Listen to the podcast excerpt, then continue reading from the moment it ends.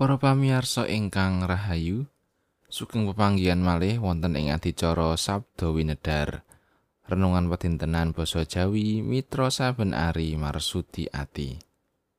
Dinten menika renungan kaparingan jejer tentrem rahayu.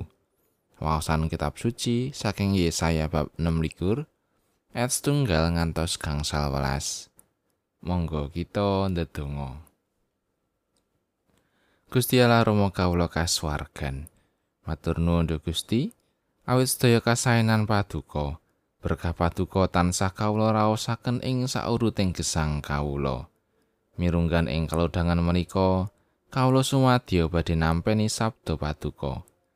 Monggo mugi Gusti ingkang madangi lan maringaken dawuh ing manah kawula. Kawula mugi kasagetaken nindakaken sedaya kersa paduka ing gesang sadinten-dinten. Duh Gusti taksih kathah tusulan panerak kawula ingkang boten nyondongi ing kersa paduka. Mugi Gusti kersa ngapunteni. Matur nuwun Gusti. Wonten ing asmanipun Gusti lan juru wilujeng kawula, Gusti Yesus Kristus. Kawula ndedonga. Amin. Kitab Yesaya bab 6 likur ayat tunggal ngatos gangsal welas. Ing wektu iku kekidungan iki bakal karepekake ana ing tanah Yehuda. kita kadunungan kutha kang santosa kanggo nyelametake kita. Pangeran Yewah wis masang tembok lan beteng. Gapurane padha wengakno supaya lumebu bangsa kang bener lan kang tetep setya. Ingkang manahipun santosa, paduka paringi tentrem rahayu amargi pitados dumateng paduka. Padha kumandela marang Sang Yewah ing salawase. awit sang Yewah Allah iku gunung parang kang langgeng. Amarga panjenengane kang wis ngesorake kang padha manggon ana ing papan kang dhuwur. Kutha beteng wis kaendhekake. Dindekake nganti tekan ing lemah banjur kaglimpangake ing lebu. Wasana bakal kaida-ida ing sikile para wong sangsara lan telapakane sikile para wong kang ringkih. marginipun tiang leres menika lurus. Amargi paduka ingkang miwiti nglencengaken marginipun. Doyewa, kawula ugi sami ngantos-antos titi mangsa anggen paduka nindakaken pangadilan. Karman kawula sedaya menika nyebut asma paduka saha ngenget-enget paduka.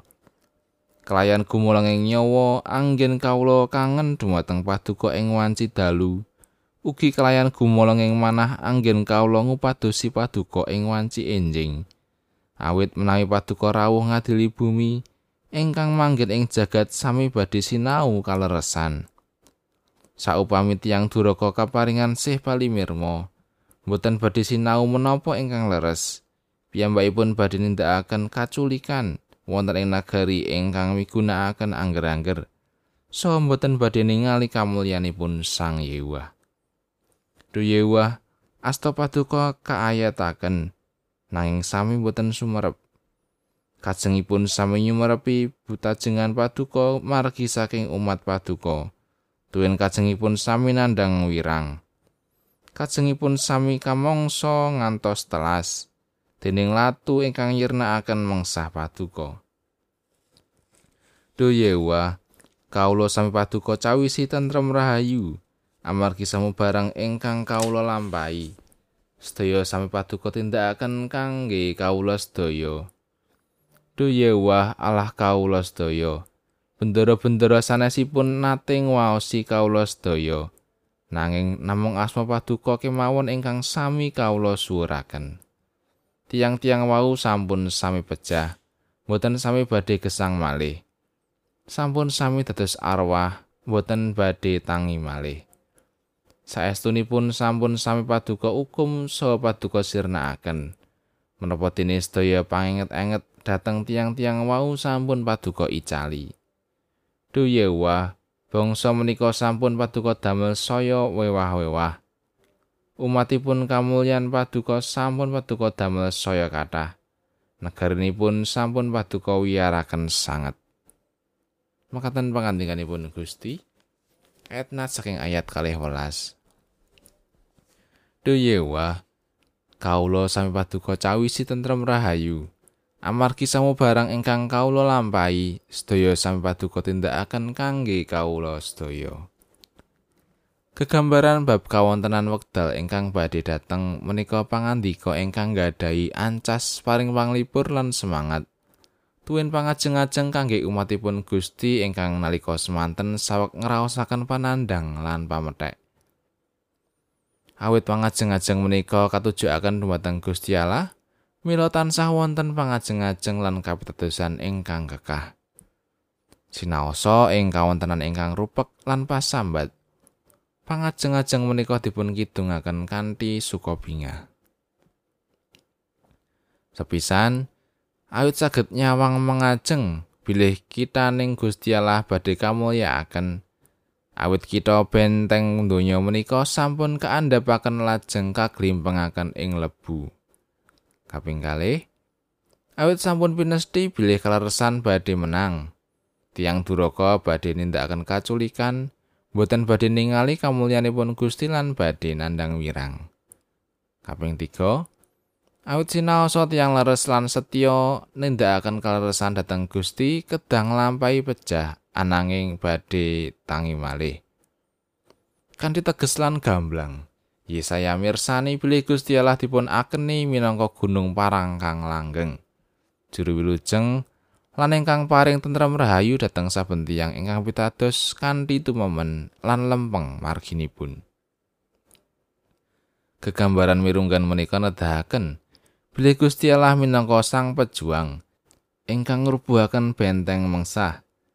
Panjenenganipun ingkang ngongani margi-margi lan kori-kori lajeng binuka kangge para kagunganipun. Wungunipun Gusti Yesus saking antawisipun tiang pecah minangka pakaryan kawilujengan lan katentreman ingkang ati tumraping piang pitados. Awit wungunipun Gusti Yesus dados panjer jaminan tumraping wungunipun tiang pitados. Amin.